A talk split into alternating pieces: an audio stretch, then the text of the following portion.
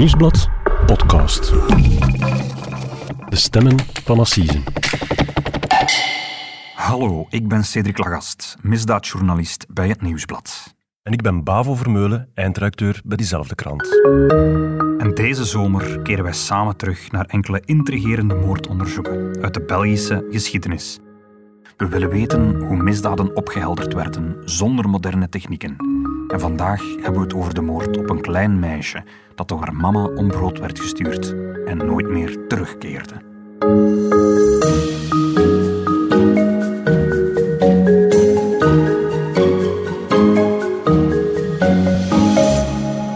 Dag Cedric. Dag Bavo. We zijn ondertussen aanbeland bij aflevering 4 van onze zomerspecial, Stemmen van Assise. Absoluut. Je bent opnieuw in het archief gedoken. Je bent op zoek gegaan naar moorden die minstens 100 jaar oud zijn. Vertel nog eens precies waarom.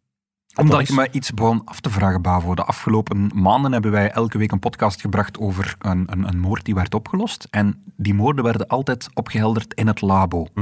Altijd was het DNA dat de doorbraak gaf, of, of camerabeelden van de politie, of een vingerafdruk, of ergens een computerprogramma die plots iets kon becijferen. En honderd jaar geleden bestond dat nog allemaal niet. En ik begon me af te vragen, hoe werden toen de moorden opgelost? Hoe werden ze toen opgehelderd? Ja, en we hebben gezien ehm, dat echte antieke politiewerk, hè, dat dat toch loont. Hè, ehm, door, Ja. Dankzij een aantal slimme vondsten, eh goede agenten, good policing. Ehm, Een politieman toen had een stevig paar stapschoenen nodig, Ja, een, inderdaad. een, een, een boekje en een potlood, en, Ja. en vooral veel inspiratie om veel vragen te stellen. en een fris brein. Een fris brein, voilà. We zijn al in Antwerpen geweest en in Brussel en in Oostende. Vandaag gaan we naar... Vandaag neem ik je mee naar Lokeren. Meer bepaald het Lokeren van 1909. Dat was toen een, een, een stad van 26.000 inwoners ongeveer al. Toch? Dat in twee gesneden werd door een rivier, de Durme. Een stad met veel arbeiders, die allemaal een beetje hun weg moesten zoeken. En er waren niet zo heel veel fabrieken in Lokeren. Veel arbeiders eh, pendelden naar andere steden om daar werk te zoeken. En in het midden van die stad wordt op een avond na school een klein meisje naar de bakker gestuurd door haar moeder om twee broden te kopen. En dat meisje keert nooit meer naar huis terug. Als dat vandaag gebeurt, dan gaan er overal alarmbellen af en komt er een hele machinerie in gang. Was dat toen ook zo? Toen ook, ja, absoluut. Dat was toen ook, ehm, dat was ook niet dat onopgemerkt voorbij ging. Dat was Nee, ook, niet. De houding was ook niet van ze komt wel terug. Nee, er Nee. werd onmiddellijk, die, die moeder stapte diezelfde avond nog naar de politie. Onmiddellijk begint de politie met een onderzoek. Ze gaan onmiddellijk op zoek ook naar eh, Bertha, want zo heet een meisje. En het levert niet meteen iets op. Nee, die verdwijning die duurt negen dagen. Mhm. En in die tijd gaat het verhaal ook de hele stad rond. Hè. Dus ehm, iedereen is daarover bezig. Waar is Bertha? Iedereen zoekt mee. Iedereen zoekt mee, niemand vindt haar. Tot op dag 9. Ik, ik heb gezegd dat de stad door een rivier in twee wordt gesneden. En uiteraard wordt ze ook Daar gevonden. in de Durme dood teruggevonden. En in de krant van toen, de krant Het Nieuws van de Dag, verscheen daar toen dit over. De genaamde August Haken, brouwersknecht bij Brouwerij Boelens, zag in de Durme, recht tegenover de brouwerij zijner meesters, iets drijven. Hij dacht onmiddellijk aan het verdwenen kind. Hij nam een schepnet en trok het drijvende voorwerp aan de kant. Het was inderdaad het lijkje. De opschudding die de ontdekking van het lijkje in de stad teweegbracht, is onbeschrijfelijk. Het nieuws verspreidde zich bliksemsnel en duizenden personen liepen naar de Durmedijk. Eh, Daarmee zitten we eh, aan de start van het onderzoek. In de, eh, en, en het doel van de podcast is, we gaan dat onderzoek onderzoeken. We hebben al gemerkt in de vorige afleveringen dat zo echt het prilste begin van toxicologisch onderzoek, en zoals je daarnet zei, eh, veel op straat. Eh, zo gaat het nu ook. Ja, heel vaak moest je een onderzoek voeren door, door veel mensen te verhoren. Dat is nu niet anders. Ehm, je moet op zoek naar je kroongetuigen. En hier hebben speurders gebruik gemaakt van een enorme plattegrond. Kan ik je al een beetje verklappen. Dat heb je in het dossier gevonden. Ja. En ik vermoed, daar staat dan op, daar woonde eh, het meisje, daar is de bakker, Ja, daar is de vindplaats. ja. En het is ook duidelijk dat die plattegrond straks naar de moordenaar zal leiden.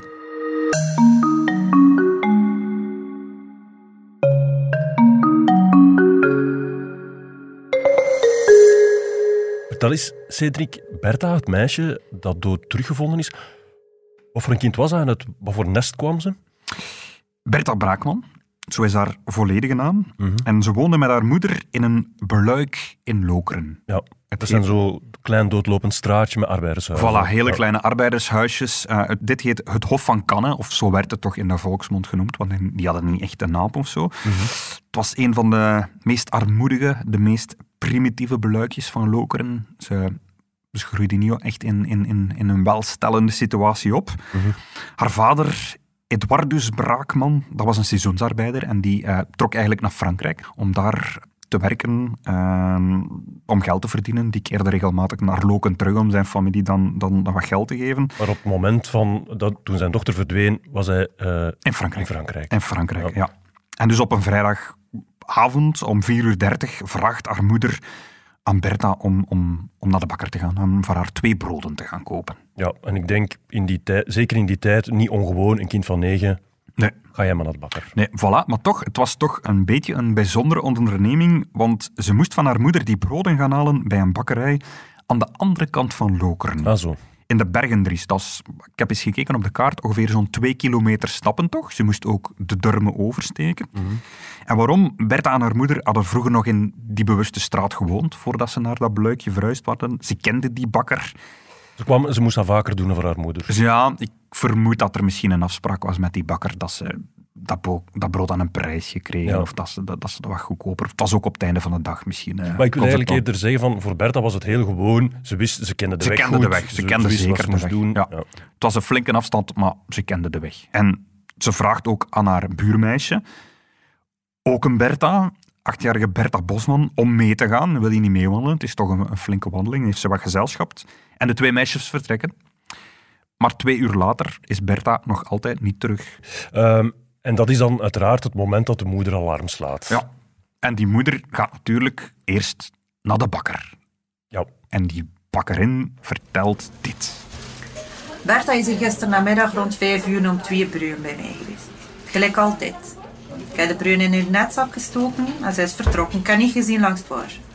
Ze heeft mij niets gezegd. Ik heb er niet speciaal aan gezien. Ze is uiteindelijk maar twee of drie minuten gebleven. Daarachter heb ik ze niet meer gezien. Dus we horen hier de bakkersvrouw, Bavo. Ze heet Eulalie Persijn. en, en dit is eigenlijk haar verhoor van de dag erna. Hè. Dus zanderdags wordt ze ook door de politie nog eens ondervraagd. En, en daar vertelt ze dus wat we nu net gehoord hebben eigenlijk. Dus eh, Bertha is bij haar langs geweest, heeft twee broden gekregen, is vertrokken en is dan eigenlijk... Ze ja, weet niet naar waar, dus het spoor loopt voorlopig daar dood. Voilà, daar loopt het spoor dood. Ze is in rook opgegaan. En ondertussen heeft die moeder ook vernomen dat, vriend, dat, dat ze met een vriendinnetje was, met de andere Bertha, Bertha Bosman. Ze gaat dan naar Bertha Bosman, het buurmeisje. En Bertha Bosman is wel thuisgekomen. En zij zegt, ja, ik ben mee geweest met Bertha. Maar tot aan de Durme, want daar ben ik mijn vader tegengekomen. En die had gedaan met werken, die ging terug naar huis. En die heeft aan mij gezegd, kom maar mee terug naar huis. En Bertha is alleen verder gegaan naar de bakker. Ah, dus echt op de heenweg zou ze haar vader tegengekomen zijn. Dus vriendinnetje Bertha is nooit tot bij de bakker Nee, geraakt. ze zijn samen vertrokken, maar het, het vriendinnetje is terug naar huis gekeerd en Bertha is alleen verder gegaan. Ze is alleen de durmen overgestoken. Ze is om brood geweest, weten we van, dat bakker, van de bakker. Maar wat er daarna gebeurd is, dat gaat negen dagen lang een mysterie blijven. Tot Ja. dus brouwersgast August Gaken, we hebben dat daarnet gehoord, het meisje uit de Durmevest. Hè. Volgens de wetsdokter was het wel degelijk Bertha Braakman. Ze kunnen haar ook identificeren Ja. aan haar kleren. Ze heeft een geruit rokje aan, dat ze ook aan had aan haar ver- eh, bij haar verdwijning. Iemand had zich aan haar vergrepen, dus het was een lustmoord, zoals dat dan heet. Ja, en dat, dat wordt dan op, op dat moment wordt het de verdwijningszaak een moordonderzoek en nu ook nog misbruik erbovenop. Voilà, want ze is ehm, door haar mo- moordenaar verdronken in de Durme. De moordenaar heeft, heeft haar ondergedompeld in de Durme tot ze verdronk. Iedereen hoort aan in Lokeren en in Lokeren wordt er natuurlijk heel geschokt gereageerd. Hè. Ik heb nog in het archief ook een, eh, een foto van Bertha gevonden. Want er worden eigenlijk postkaartjes met haar foto gemaakt. Dus, en die worden op de markt En dat verkocht gaat over eigenlijk. deze foto waar we nu naar kijken. Ja, ja, deze foto. En die wordt verkocht op de markt eigenlijk. Hier is het nog eens met kaartje erbij ook. Dus je Ja. ziet We zien een, gedenkkaartjes voor haar die eigenlijk ja, ja. gemaakt worden. Het is eigenlijk een, een, een prachtig document. Je ziet een, eh, een jong meisje met licht krullend haar, die heel, dat heel ernstig in de, in de lens kijkt. En opvallend, eh, ze draagt een mooie witte jurk, een soort van communiekleed, eh, zoals we zouden zeggen vandaag. En op, het, op de foto is ook nog een boeket bloemen bijgeschilderd. Het is geschilderd, ja. Je, moet, je denkt eerst als het ziet, ze heeft een bloemen vast, maar als je goed kijkt, het is erop geschilderd. ja, dat was niet ongewoon in die tijd. Eh, En dus daar documenten. hebben ze een, een, een kaartje van, een herdenkingskaartje eigenlijk. Lafhartig vermoord te Lokeren, de 15 oktober 1909. Het vreselijk verminkte lijkje gevonden in de Durme op zondag 24 oktober. En die gedenkprentjes, is dat iets dat courant was in die tijd? Eh, Weet je dat? Ik weet het niet, dat, dat, dat werd toen gemaakt en verkocht. En iedereen wou ook... Verkocht? Ah. Verkocht, ja, voor geen fortuin, maar iedereen wou zo'n zo'n kaartje om op, op de schouw te zetten Ja. thuis. En er werden ook moordliederen over haar gemaakt. Dus er, er waren muzikanten die toen liederen over haar maakten. Dat was Dat is aan bod gekomen in een van de eerdere podcasts van Stemmen af een season ook. En dat was omdat er waren geen kranten, er was geen tv. Enfin, er waren kranten, maar er was, niet iedereen kon lezen. ja, niet iedereen kon lezen. En vandaar werden die moordliederen dan Voilà, om het verhaal mondeling verder te vertellen eigenlijk. ongelooflijk.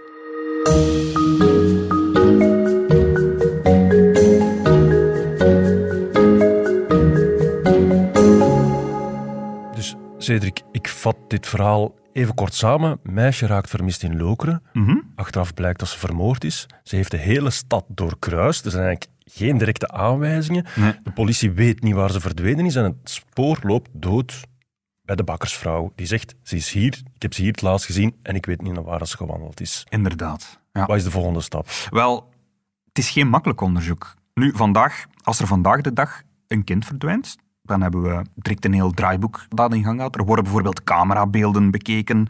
Ehm, speurders kunnen ook proberen om een gsm van iemand te Ja. traceren als een elfjarige. Die hebben meestal alle gsm als die dat bij hem hebben.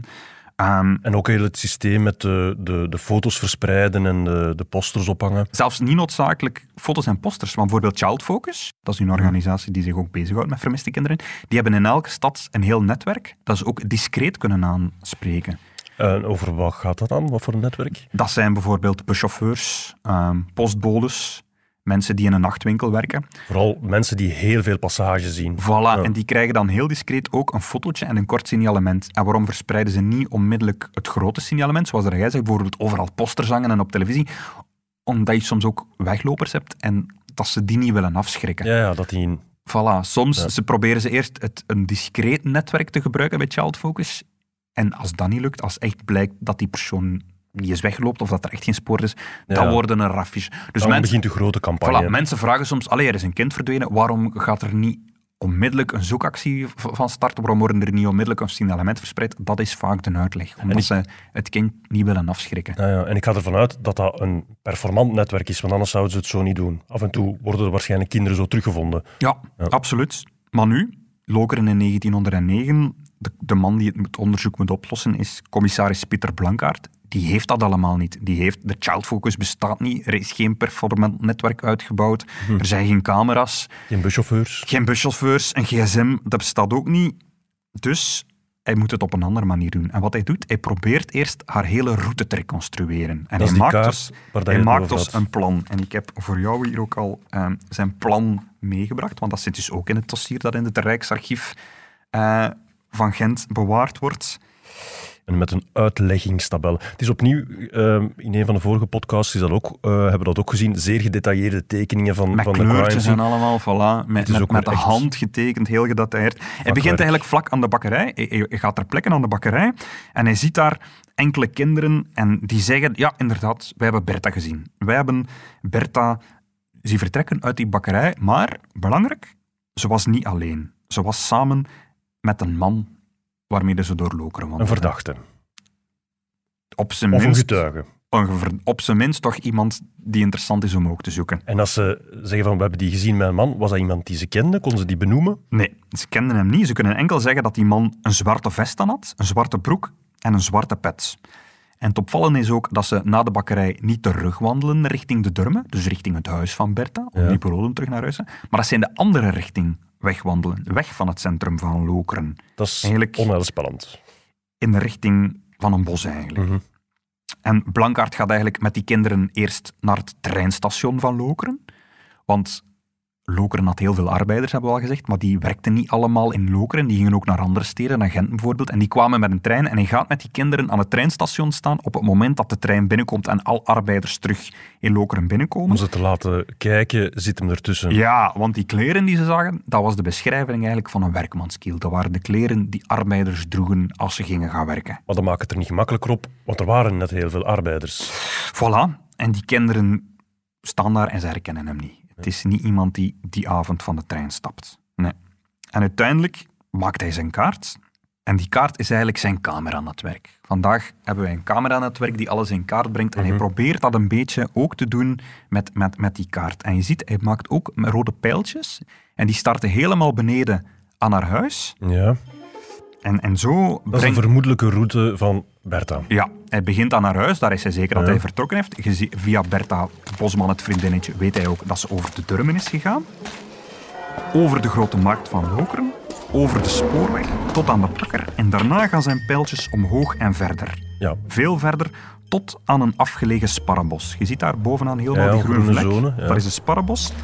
En hij wandelt ook naar die sparrenbos in het echt. En hij vindt daar een boerin en die zegt dat ze om 5 uur 30 een schreeuw heeft gehoord in dat bewuste bosje.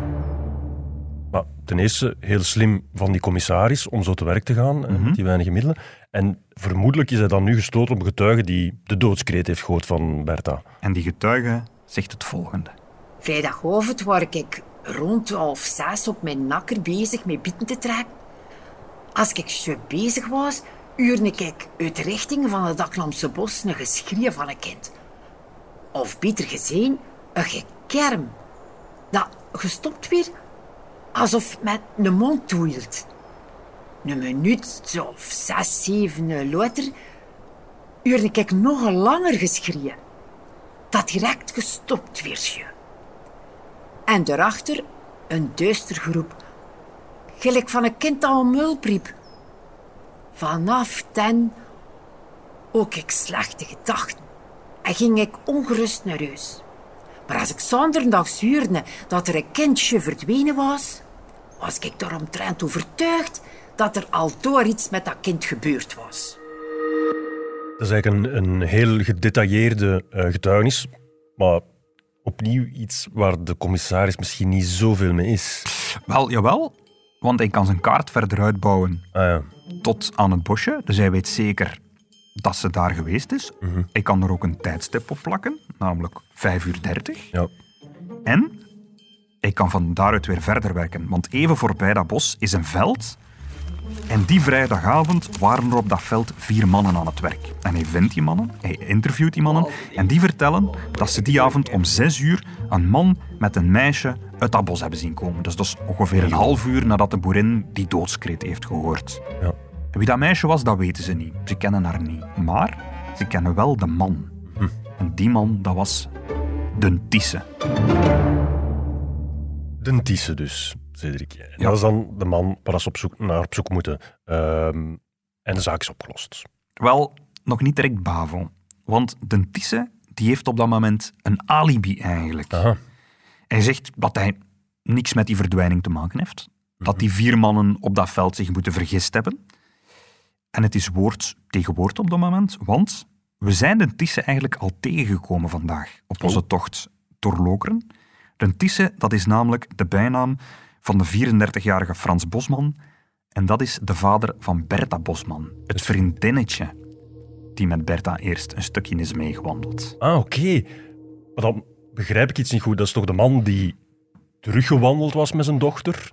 Inderdaad, en het dochtertje zegt ook, hij is met mij terug naar huis gewandeld, dus hij heeft een alibi. Hè? Dus het kan best zijn dat die vier veldwerkers die de Thysse zogezegd hebben zien lopen aan het bos, dat die helemaal fout zijn. Dat kan. Ja, absoluut. Maar bon, de commissaris die onderzoekt nu natuurlijk ook wat daar aan de hand is. Die gaat dat bekijken. Wie is die Bosman? Bosman, dat was een kaaiwerker in Lokeren. Dat is iemand die helpt om de schepen die in Lokeren toekomen over de Durmen te laden en te lossen. En hij had al een lang strafblad. Wegens Aha. openbare dronkenschap en nachtlawaai, maar ook wegens slagen en verwondingen en wegens zedenfeiten. Oei. Maar dus ook een alibi. Een alibi van zijn eigen dochter. Want op het moment dat twee meisjes daar passeerden, was hij klaar met werken. En zijn dochter zegt dat zij met hem terug naar huis is gewandeld. Ja, die zedenfeiten, dan moet de commissaris toch wel... Dan moeten toch alarmbelletjes afgegaan zijn, of niet? Absoluut. En de Tisse wordt om twee uur s'nachts door de politie uit zijn bed gehaald. Hè. Maar hij zegt van niks te weten. Maar onderzoeksrechter Jan Verwelgen die besluit op de dochter van de Tisse, zijn- het achtjarige Ja. Bertha Bosman, Het alibi. het zijn alibi om haar opnieuw te laten ondervragen. Urenlang wordt ze ondervraagd. En eerst blijft ze zeggen dat zij en haar vader de statiebrug, de brug over de Durbe, niet zijn overgestoken. Dat ze allebei samen naar huis zijn teruggekeerd. Maar dan, dan plots, zegt ze iets anders. Als ik met Bertha aan de kaai gekomen ben, is mijn vader bij ons gekomen. Hij is met ons meegegaan tot iets over de route van de spoorweg. En daar heeft hij nog gezegd dat ik naar huis moest gaan. Hij is met Bertha voortgegaan. Hij en Bertha hebben beloofd mij kastanjes mee te brengen. Waar ze naartoe zijn gegaan, weet ik niet. Dit is de waarheid. Ik ben terug tot aan de brug van de Durme gegaan. Daar is mijn vader mijn enige tijd nadien komen vervoegen.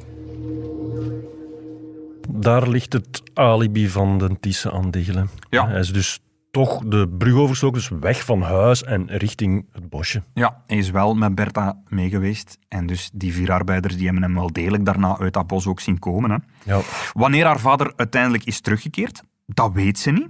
Maar ze zegt dat ze lang heeft moeten wachten aan de brug en dat er ondertussen iemand de lantaarns is komen aansteken. Je moet weten, nu gaan de straatverlichting vanzelf aan. Als het donker wordt, floep, de lichten floepen aan. Toen nog niet Bavo. In 1909 moest er iemand elke avond met zo'n hele lange stok de lonten van de olielampen in de straatlampen Ah ja, komen ja. aansteken. En de politie gaat de lantaarnsteker, de 70-jarige Amandus Klaas, opzoeken en hem spreken. En de man zegt dat hij om 5.30 uur de lampen aan de brug heeft aangestoken. en dat is dan belangrijk voor het timeframe van de commissaris. Of wa- waarom zit dat dan in het Dat is het moment waarop dat de boerin in het bosje het geheel hoort komen. Ah ja. En op dat moment staat Bertha Bosman nog altijd aan de brug en is haar vader nog niet terug. Dus om 5 uur 30, op het moment dat, dat er iets ergs gebeurt met Bertha Braakman, is haar vader nog niet terug. Dus Ja, allicht nog altijd bij Bertha. ja. Dat is belangrijk. En Frans Bosman wordt hier eigenlijk in de problemen gebracht, natuurlijk door zijn eigen dochter, hè? Ja. Die, die plots kroongetuigen is tegen hem. En weten we of dat hij gevraagd heeft aan haar om te liegen? Ja, waarschijnlijk. Allicht wel, ja. Ja. ja. tuurlijk. Hij heeft Ja. gevraagd. Hij heeft zijn dochter wellicht gedwongen om dat te zeggen. Hè. en, en, en dat zorgt ook binnen de familie zelf voor strubbelingen, want haar grootouders, de ouders van, van Frans Bosman, die willen niks meer met het meisje te maken hebben. Het meisje is niet meer welkom, omdat ze zei, haar vader, Ah, hun zoon, aan de galg gepraat heeft eigenlijk. Oh, oei. Hoe gaat met dat kind? Ja.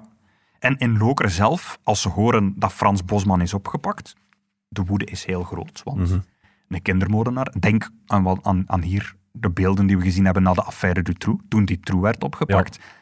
Dat was een beetje de Dutroux-affaire van Lokeren, denk ik. Bosman moet van het politiekantoor, dat toen nog in het stadhuis van Lokeren zat, naar het gerechtsgebouw in Dendermonde worden overgebracht. Dat gebeurt met de trein. En dat korte stukje tussen het stadshuis en, en, en, en het treinstation, daar staat een menigte en die zijn aan het roepen en aan het, aan het, aan het Het uitsluiten. schreeuwen naar hem. Ja. Ja. En dat toen, staat toen zo in de krant.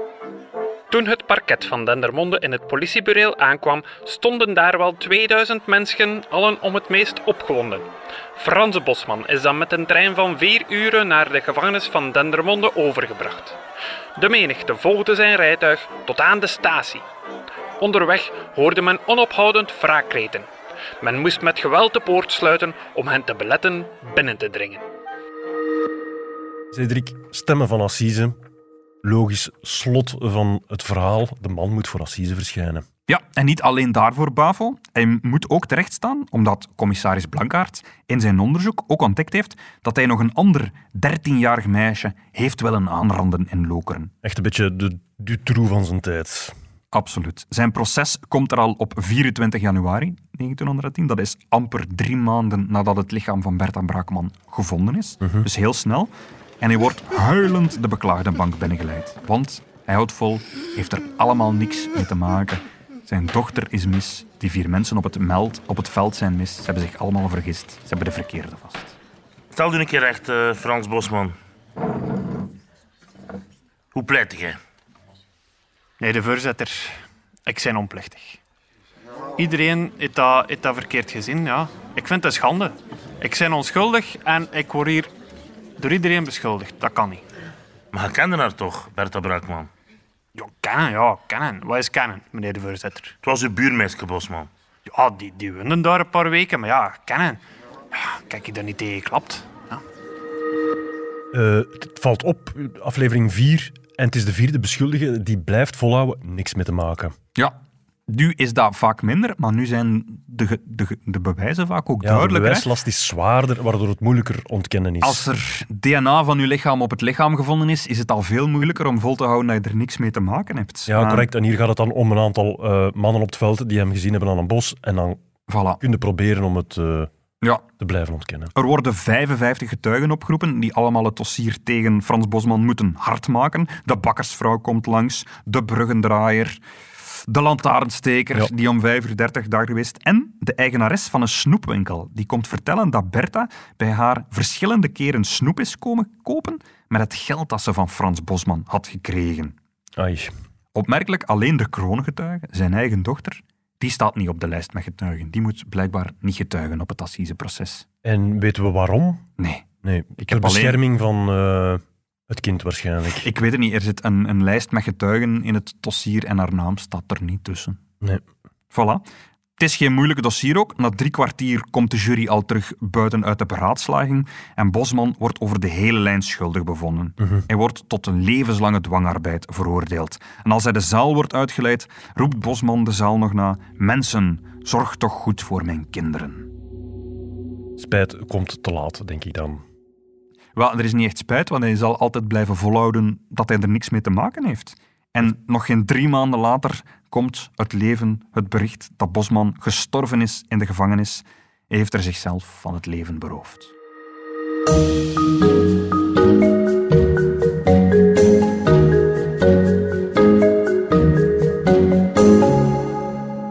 Cedric, toch echt wel een dramatisch verhaal. Hè? Toch het ergste of het aangrijpendste dat hier al gepasseerd is in onze, onze zomerspecial.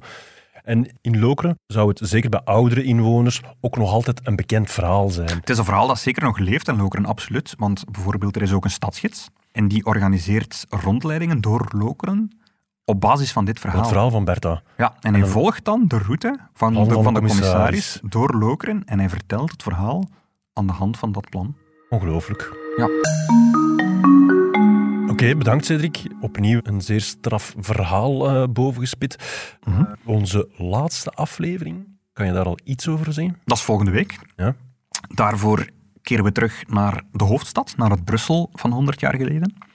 Voor een dubbele moord en Mhm. voor het verhaal van Sussen met de bolhoed. Sussen met de bolhoed. Zeker luisteren.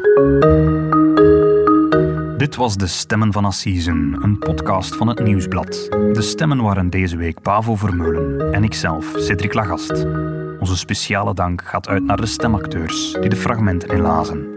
De montage gebeurde door Pieter Schrevens van House of Media. De productie was in handen van Bert Heijvaart en Eva Michom.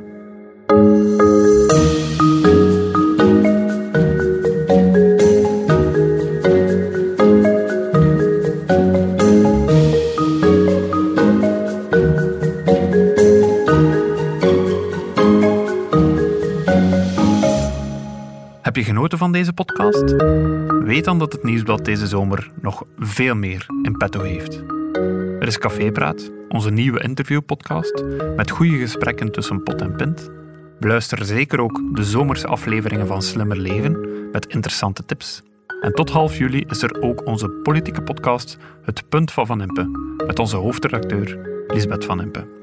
In deze sportzomer zijn er uiteraard ook de Shotcast en de koers is van ons. Kortom, heb je eindelijk tijd om te luisteren? Stem dan zeker af op de podcasts van het Nieuwsblad.